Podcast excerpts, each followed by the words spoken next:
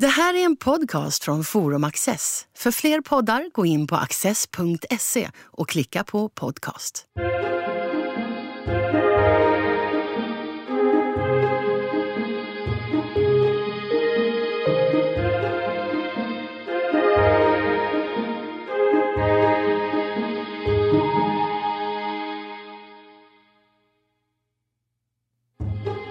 Vad händer om kriget kommer? Vem skyddar vårt kulturarv? William Bülow är forskare vid filosofiska institutionen på Stockholms universitet. Han berättar om etiska dilemman kring kultur som förstörs i krig. År 2015 så halshöggs den 82 år gamla arkeologen Khaled al-Assad av IS. Därefter hängde de upp hans kropp på en pelare mitt i Palmyras historiska kvarter. Det brott han hade begått var att han inte ens under tortyr avslöjade för IS var Palmyras museiföremål fanns gömda. Så för de här museiföremålens skull så utstod han alltså både tortyr och till slut dog för att skydda döda ting. William, hur, hur ser du på det här när man ska sätta människoliv mot kulturarv? Jag tror att i grund och botten att det är en eh, fråga som behöver vidare specificering innan man kan säga någonting generellt, åtminstone från ett moralfilosofiskt perspektiv.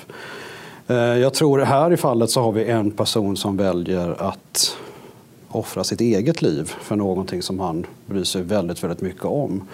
Inte nödvändigtvis någonting heller som vi måste förstå i det här sammanhanget som att han bryr sig bara om de här objekten. För vi pratar om en person som har vikt hela sitt yrkesmässiga liv till den här typen av platser och Palmyra i synnerhet. Så att det handlar om att helt enkelt en person som väljer att offra sitt liv för det han tycker har gett hans liv väldigt stor mening. Det är en sak. Men om man tittar på den mer generella frågan om mänskligt liv kontra kulturarvsbyggnad av den här typen, om det nu är Palmyra eller om det nu är andra kulturföremål, så är ju frågan mycket svårare i en annan mening. Alltså det är en sak att offra sitt eget liv och en annan sak att fundera på, får man gå in och skydda kulturarv även om man vet om att det kommer utsätta andra människors liv för en påtaglig risk? Så jag tror att för att svara på den frågan så är det nog viktigt att skilja mellan, fundera på vilka individer vi har att göra med, vems liv är det vi pratar om och vem är det som fattar beslutet över de liven. Så att, eh, jag tror att det egentligen att man måste bryta ner den där frågeställningen till flera olika separata frågeställningar innan man kan ge ett konkret svar. Berätta lite mer om ert forskningsprojekt. Hur ser vardagen ut? Vardagen är ganska tråkig, forskningsprojektet ganska spännande. Vardagen ser ut som så att jag sitter mest på mitt kontor på Stockholms universitet på filosofiska institutionen och läser och skriver och sköter i viss mån någon form av administration kring det här projektet som heter Heritage in War. Det är alltså ett projekt som är finansierat av en forskningsfinansiär i Storbritannien som heter Arts and Humanity Research Council och leds av en kollega till mig som heter Helen Froh som är professor i praktisk filosofi på Stockholms universitet. Och hon leder det här tillsammans med en annan professor som heter Derek McTravers som är vid Open University. Eh, vi är, jag tror att vi är ungefär en tiotal personer som är involverade här. I huvudsak är vi filosofer eftersom att projektet handlar om att undersöka filosofiska frågeställningar som reses när man börjar fundera på vilka förpliktelser man har att skydda kulturföremål i en krigszon och inte bara traditionellt om man tänker kring mänskligt liv. Alltså vad händer egentligen med frågor om nationellt självförsvar när man slänger in en sån sak som kultur och kulturella värden in i, i kalkylen. Vilka frågor får man då? Um, när dök de här frågorna första gången upp inom forskningen? När började man prata om kulturarv till oj, exempel? Oj, det, det, är väldigt svårt att säga men ett, ett, ett svar som åtminstone kan ge. Jag har inte koll på alla forskningsfält utanför mitt eget naturligtvis. Men man ska, man ska ha tydligt klart för sig att just frågor om kulturarv och hur det påverkas av krig och även när det påverkas av naturkatastrofer och sånt. Det är någonting som har diskuterats väldigt flitigt, framförallt inom, inom bland, bland arkeologer primärt, men även de som i bred mening intresserar sig för kulturarvsfrågor. Eh, filosofer, där har vi nog varit sist på bollen för att vi kom in ganska sent. Eh, det här projektet tror jag att det är anledningen till att många som sysselsätter sig med frågor som den politisk-filosofisk natur och moralfilosofisk natur som handlar om krig eller som reses i samband med, med krig. Och det beror nog framförallt på de, de konflikter som vi känner till i närtid ifrån Mellanöstern. Att det helt enkelt det är det som fångar upp vårt fokus. För någonting har ju hänt där, för det är ju en del av vissa gruppers direkta krigsutövning att avsiktligt förstöra kulturarv.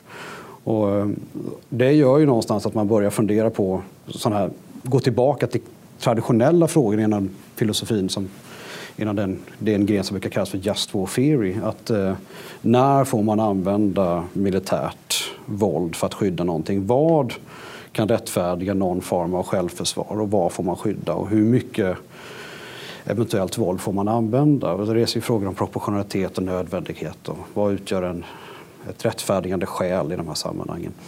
Eh, och de beror ju, alltså att det här får den här uppmärksamheten, det tror jag beror väldigt mycket på just de konflikter som vi känner till från Syrien och Irak och så vidare. Och ni sitter i Stockholm men jobbar också mot uh, olika länder. Hur... Ja, det är, jag, jag sitter i Stockholm. Uh, sen har vi förvisso folk som sitter då i vid Open University i, i England. Så att, uh, det, vi är lite utspridda, så det är ett samverkansprojekt mellan flera olika organisationer. vi har forskare som är knutna till Warwick och vi har personer som är knutna till Leeds, så det är i högsta grad. Sen har vi ju såklart vi har samarbetspartners, bland annat en, en eh, samarbetspartner vid American College in, i Beirut. Um, vi har samarbetspartners vid West Point Military Academy i New York och så vidare. Um, Fokuserar ni på vissa konflikter? Egentligen inte. Som filosof är du mer intresserad av de övergripande abstrakta filosofiska frågorna som reses. Så att det är klart att, som, det är klart att man hämtar eh, information om enskilda historiska händelser. Och, eh, så för att ta en annan sak, vi, projektet handlar ju delvis om att reda ut frågor som vad, ja, vad får man och får man inte göra under pågående konflikt.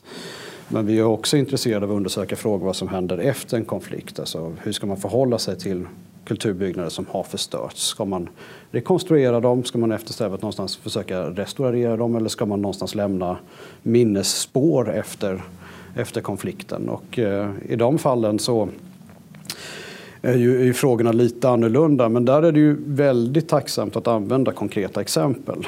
Så att om man pratar om rekonstruktioner så är det väldigt lätt till hands att gå till till Mostar i Bosnien när man har rekonstruerat den här gamla bron. Eh, men eh, ett annat exempel är givetvis Gamla stan i Warszawa som byggdes upp efter, efter möjlig tanke om hur den kunde ha sett ut under 1700-talet.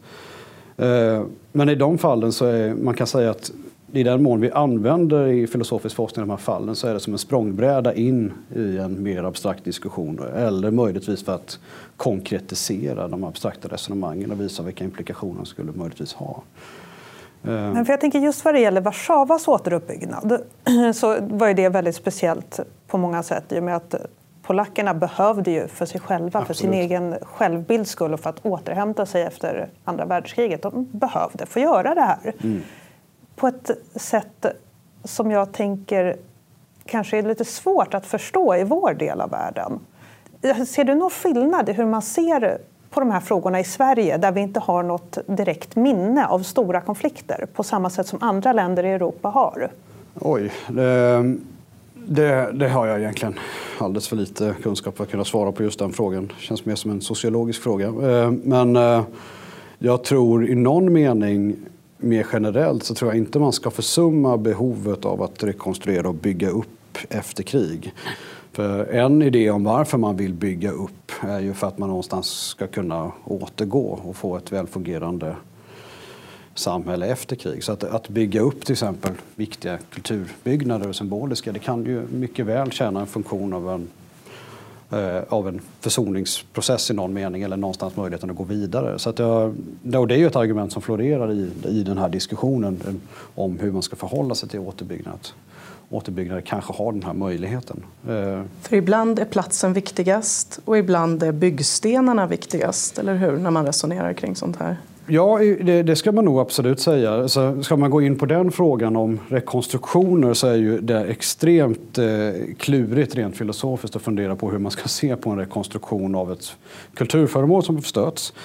För det första så är det så att vi, vi bryr oss om de här kulturföremålen oftast för att de har en viss identitet. Det vill säga inte att de är kopplade nödvändigtvis till vår identitet utan jag menar att den har en, den har en, det här, den här triumfbågen till exempel i, i, som stod i Palmyra som man har gjort en kopia av som jag tror fortfarande står i London.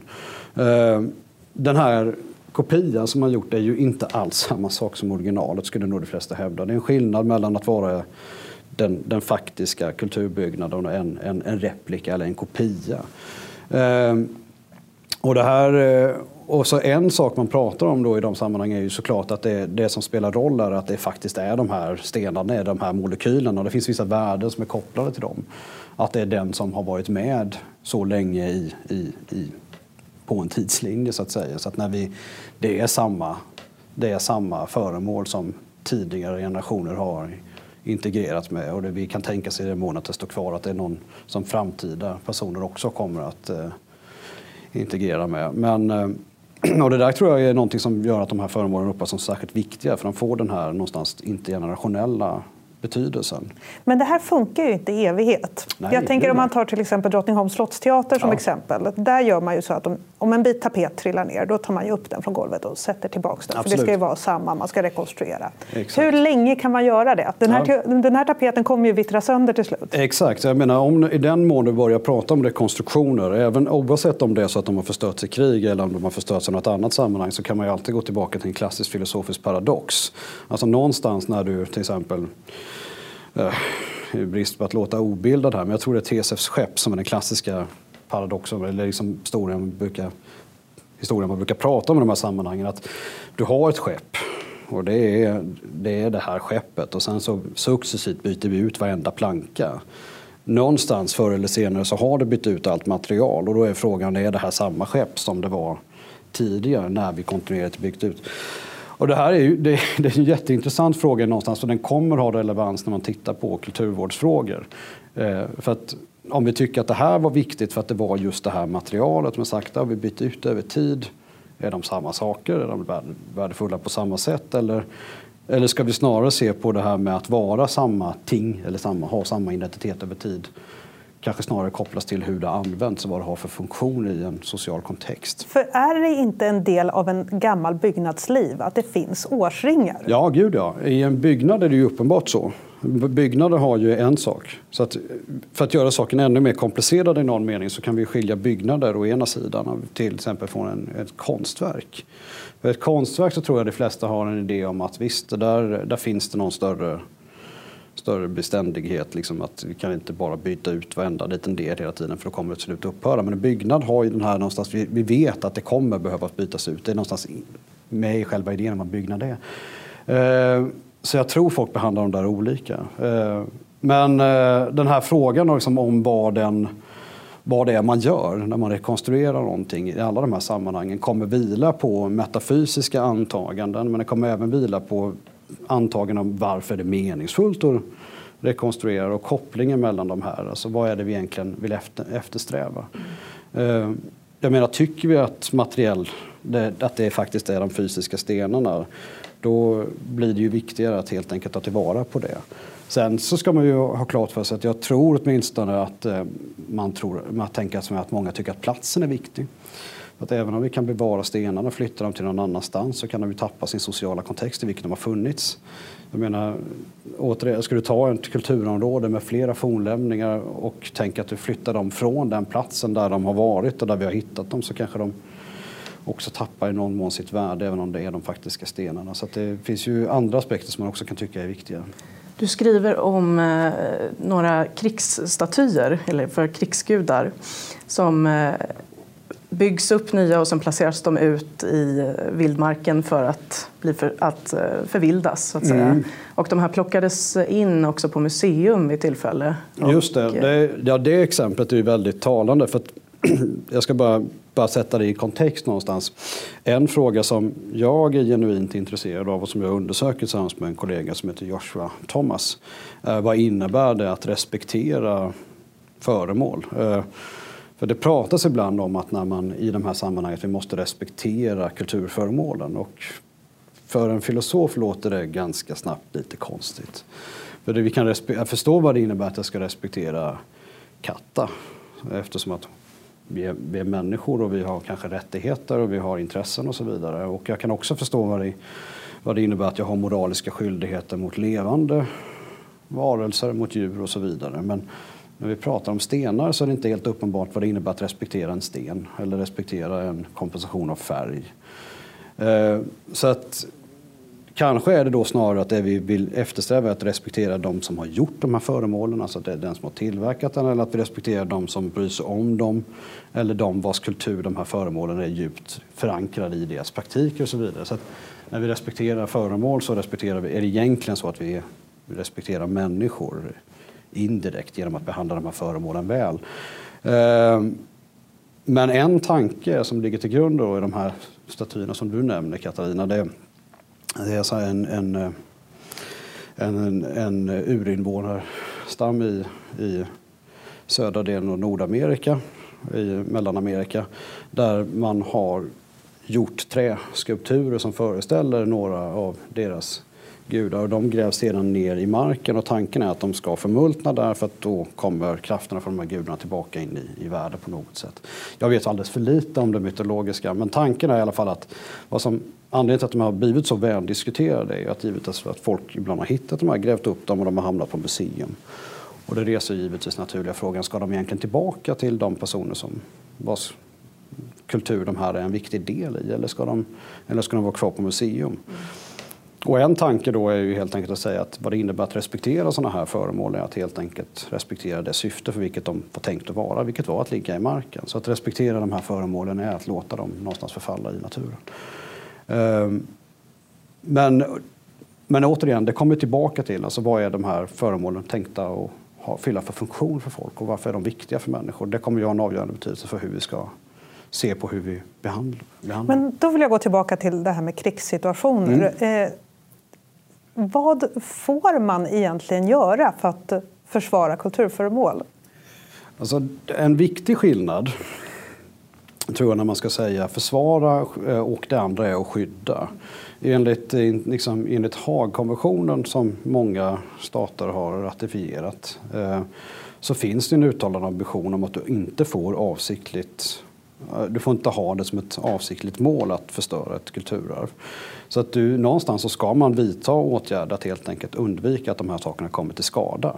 Eh, så länge det inte föreligger stark militär nödvändighet. Sen så kan man som vi såklart ha en en öppen diskussion. För en, för en filosof återigen kan man fråga vad är, vad är det? När råder stark, tillräckligt stark militär nödvändighet för att det ändå ska vara okej? Okay? Ja, det var, hade varit min nästa fråga. Exakt, så, att jag, så det, och det är ju inte, och det, det är ju en fråga som jag tycker är extremt snårig att försöka förhålla sig till. Men för att ta ett konkret exempel, Monte Cassino eh, i, i Norditalien är det va? Som, eh, är fall där där tyskarna och eh, slogs gentemot allierade trupper och där de allierade bedömde att de ändå skulle gå in och eh, förstöra en stor eh, kloster eh, i, i Monte Cassino. Och där det har varit en väldigt stor diskussion efteråt om det där fallet kan bedömas som militärt nödvändigt eller inte. Vet du varför de bestämde sig för det? Jag kommer inte ihåg alla detaljerna i, i, i, liksom rakt upp och ner här men en idé var ju att man tänkte att det behövdes för någonstans få till, få, liksom, av rent militära skäl, att för att liksom, få tillbaka det här viktiga, militärt viktiga området så, så tyckte man att man helt enkelt behövde. Eh, men det finns andra i närtid, så att en, en australiensisk filosof som heter Jana Thompson till exempel argumenterar att hon tycker att det där inte kan motiveras på basis av militär nödvändighet utan snarare så borde en person som befinner sig i den där, eller en liknande situation ha tänkt att vi borde söka efter alternativa strategier. Vad kan det vara då? Ja, det är väldigt svårt för mig. Det, det, det, det får man, den frågan skulle man nog behöva ställa till någon som faktiskt är militär eh, och inte en, en armstolsfilosof som jag. Men tanken är i alla fall, men initiellt i alla fall så tror jag tanken är att även om det skulle innebära en större risk för dina egna trupper och även att de, de, de som någonstans är och utkämpa det här kriget. Även om de ska behöva bära en större risk så är det, är det viktigt för att undvika den här skadan som eventuellt skulle kunna ske till kulturarvet. Nu är det här ju en jättesvår fråga för då kommer ju den naturliga frågan hur stor risk ska en soldat i krig behöva bära för sig själv för att skydda kulturarv? Ehm, och återigen, det är ju dels en fråga om hur mycket och sen kan man ju fråga om de, om de alls ska behöva bära den risken för ett kulturarv. Men en idé här är ju någonstans att de här kulturerna är viktiga och därför är det också angeläget att åta vissa, vissa förpliktelser. Den svåra frågan är varför är kulturarv så viktiga? Bra, men det är, och det blir ju någonstans den frågan som man kommer att landa i. Alltså, om du nu ska behöva hantera de här fallen om. Dels alltså har du så egentligen två stycken frågor. Det ena är ju, ska en person som utkämpar ett krig, ska den åta sig en risk för att skydda föremål som anses skyddvärna är en sak. Men en annan sak är ju om de som påverkas indirekt av kriget, det vill säga civila i någon mån, ska de också behöva bära en risk för att vi ska undvika? För man kan ju tänka sig att ibland att eh, helt enkelt oskadliggöra eh, någon i, på motståndarsidan i krig kan ju vara gynnsamt och kanske skynda på eh, kriget så att man räddar civila i slutändan. Och då är det någonstans, återigen, då har vi civila liv mot kulturarv och vi har däremot frågan om de här soldaterna kontra kulturarv. Så gå tillbaka till första frågan igen då. Hur ska man tänka här? Eh, om avvägningen mellan kulturarv och krig är ju inte alls, inte alls helt uppenbar. Eh, men eh, och då behöver vi säga någonting om varför kulturarven är viktiga till att börja med. Eh, och än mer så är det ju så att man kan ju börja prata om olika anledningar. Att det har kulturellt värde, det har historiskt värde, det har ett eh, det är viktigt för vår sociala identitet, det är viktigt för den, hur människor uppfattar sitt liv och sin, eh, om det är meningsfullt att det är interagerat med alla de här frågorna. Eh, det jobbiga är ju att vi vill ju inte bara veta varför det är värdefullt. För för vissa skulle till exempel, vissa säger ju att ja, men kulturarv är ju inte bara värdefullt på grund av ekonomiska syften eller vad man brukar kalla för att ha ett instrumentellt värde. Utan det är värdefullt i sig självt och därför ska det vara skyddsvärt. Men det kommer ändå inte lösa problemet. För det vi behöver då är ju två typer av värden som vi faktiskt kan jämföra med varandra. Så att om du säger att det är viktigt med kulturella värden så är ju är det ju en sak och du kan säga att det är ett värde i sig självt. Men det har inte sagt någonting om hur man ska väga det mot andra saker. Eh, så att en idé som jag tror kan vara ett sätt att komma vidare i en sån här diskussion det är att fundera på hur kulturarven är viktiga för att mänskligt liv går bra.